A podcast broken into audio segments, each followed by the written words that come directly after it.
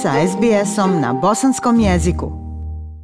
Aisha, lijep pozdrav tebi i slušateljima SBS radija. Ovaj izvještaj iz e, Sarajeva bit će nekako u potpunosti posvećen političkoj krizi u Bosni i Hercegovini, koja je, moram reći, zaista kulminirala posljednjih sedam dana i to zahvaljujući prije svega izjavama e, gotovo svakodnevnim e, člana predsjedništva Bosne i Hercegovine Milorada Dodika. Mnogi analitičari, Aisha su ovdje već rekli da izjave koje smo mogli čuti od Milorada Dodika podsjećaju na 92. godinu. Naime, najprije negdje početkom sedmice održana sjednica izvršnog odbora Saveza nezavisnih socijaldemokrata kada je lider ove stranke Milorad Dodik još jednom ponovio da će istrajati u poništavanju svih nametnutih odluka visokih e, predstavnika u Bosni i Hercegovini. Nakon što je održana ova sjednica izvršnog odbora SNSD SAD-a, Milorad Dodik je 14. oktobra pokušao organizovati i sastanak sa 28 ambasadora u Bosni i Hercegovini. Prema ovdašnjim medijima pokušaj je doživio debakl jer se samo njih 11 odazvalo pozivu.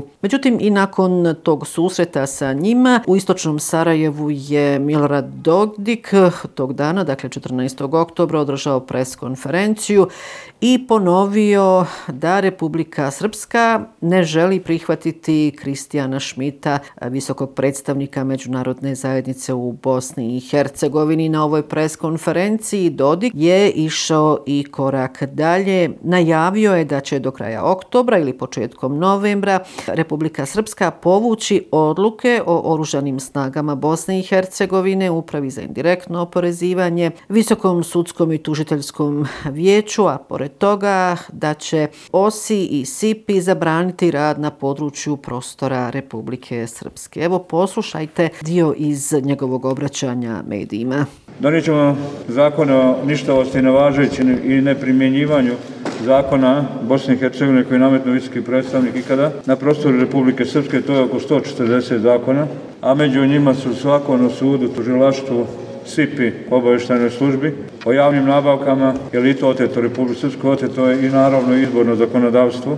Član predsjedništva Bosne i Hercegovine Milorad Dodik eh, je i na ovoj preskonferenciji ponovio da sve ovo što je on rekao nije secesija i da ovo nije odcepljenje. Također je rekao da ne misli da će Republika Srpska, ali i pojedinci koji predvode ovaj entitet eh, biti izloženi međunarodnim sankcijama. Dakle, još jednom Milorad Dodik upravo o tome. Imajući u vidu naše razgovore s prijateljima u okviru Evropske unije, Evropske, sad se mogu da kladim da Evropska komisija neće donijeti odluku o bilo kakvim sankcijama prema Republike Srpskoj ni kom bilo pojedincu. Da li će to uraditi Njemačka ili neke druge zemlje, to ne možemo da garantiti. Danas postoji neka druga tržišta na koji može da se obezbedi novac. Potpuno je nejasno na koji način Milorad Dodik eh, najavljene planove planira ostvariti, pa evo i na ovoj preskonferenciji novinari su pitali na koji način, kako misli povući odluku o oružanim snagama Bosne i Hercegovine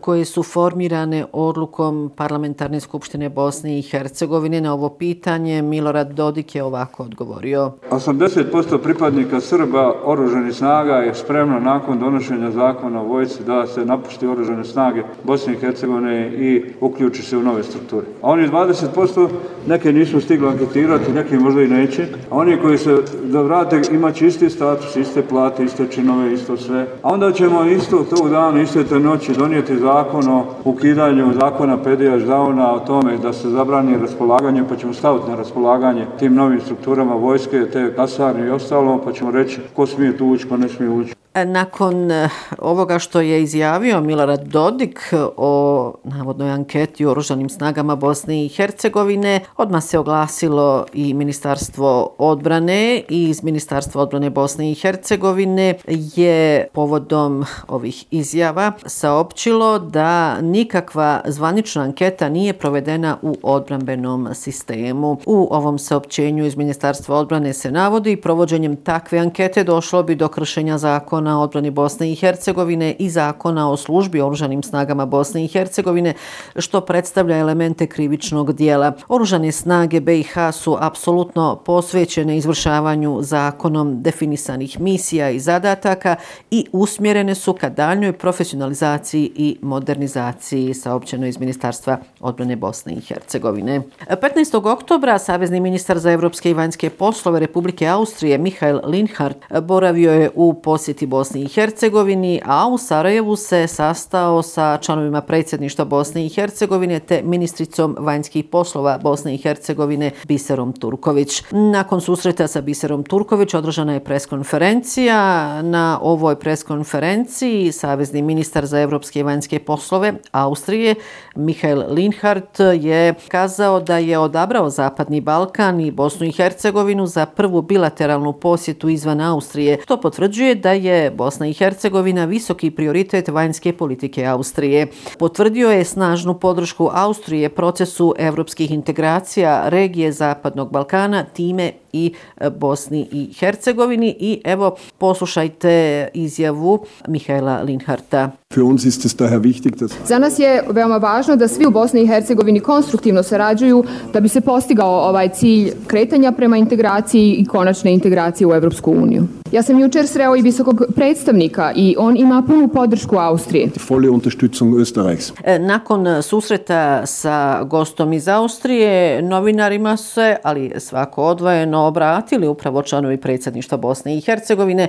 Milorad Dodik je ponovio sve ono što ste mogli malo prije čuti, a nakon toga su se novinarima obratili e, predsjedavajući predsjedništva Bosne i Hercegovine Željko Komšić i član predsjedništva Šefik Džaferović i oni su se morali osvrnuti na posljednje izjave Milorada Dodika koji je sve ovo i rekao gostu iz Austrije. Evo poslušajte koje su izjave dali predsjedavajući predsjedništva Bosne i Hercegovine i član predsjedništva Bosne i Hercegovine Željko Komšić i Šefik Džaferović. Mi smo od priče o evropskom putu BiH došli do toga pričamo o sigurnosti, stabilnosti, jedinstvu i suverenitetu Bosne i Hercegovine. Dakle, sad vidite gdje smo u vrlo jednom kratkom vremenu. Dodik ovo sve što priča po meni postaje zapravo predmetom rada tužilaštva Bosne i Hercegovine. Dakle, institucije Bosne i Hercegovine su dužne da štite suverenitet, jedinstvo i teritorijalni integritet Bosne i Hercegovine.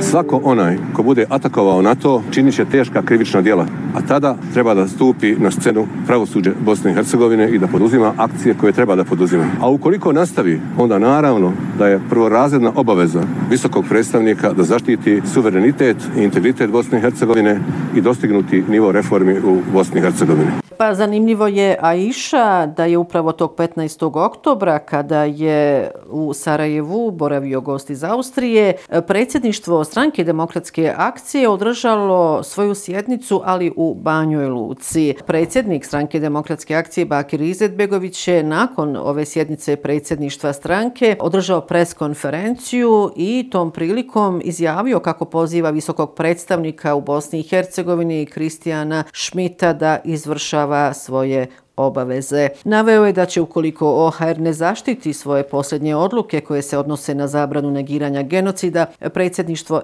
SDA zadužiti ovlaštene podnosioce da podnesu apelaciju Ustavnom sudu Bosne i Hercegovine u smislu povrede Ustava Bosne i Hercegovine. Evo, poslušajte izjavu e, lidera SDA Bakira Izetbegovića odlučili da pozovemo odgovorne snage prije svega u samom RS-u, dakle da se, da se, da se osvoji jedan demokratski kapacitet u ovom entitetu i da se zaustave te politike za naše zajedničko dobro, jer stvari mogu otići u nekontroliranom, kao što rekao, smjeru. Pozvali smo i visokog predstavnika da izvršava svoje obaveze, da reaguje u okviru svog mandata. Za kraj moram reći da su 13. oktobra lideri SDA i HDZ-a BiH Bakir Izetbegović i Dragan Čović održali u Sarajevu neformalno neformalni sastanak koji su nazvali drugarskom kafom na kojoj im se pridružio i Nikola Špirić u ime eh, SNSD-a. Nakon nešto više od eh, sat kafa je bila završena, učesnici su prenijeli svoje utiske, dok je osnovna poruka bila da se u Bosni i Hercegovini mora razgovarati.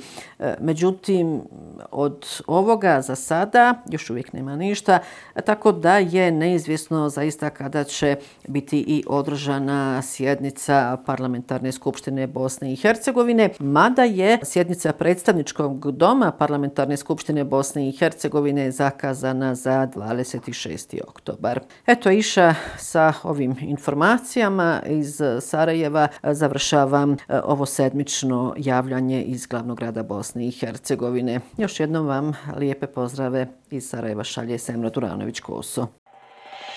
SBS na bosanskom. Podijelite naše priče preko Facebooka. Želite poslušati još ovakvih priča? Slušajte preko Apple podcasta, Google podcasta, Spotify ili kako god da primate svoje podcastove.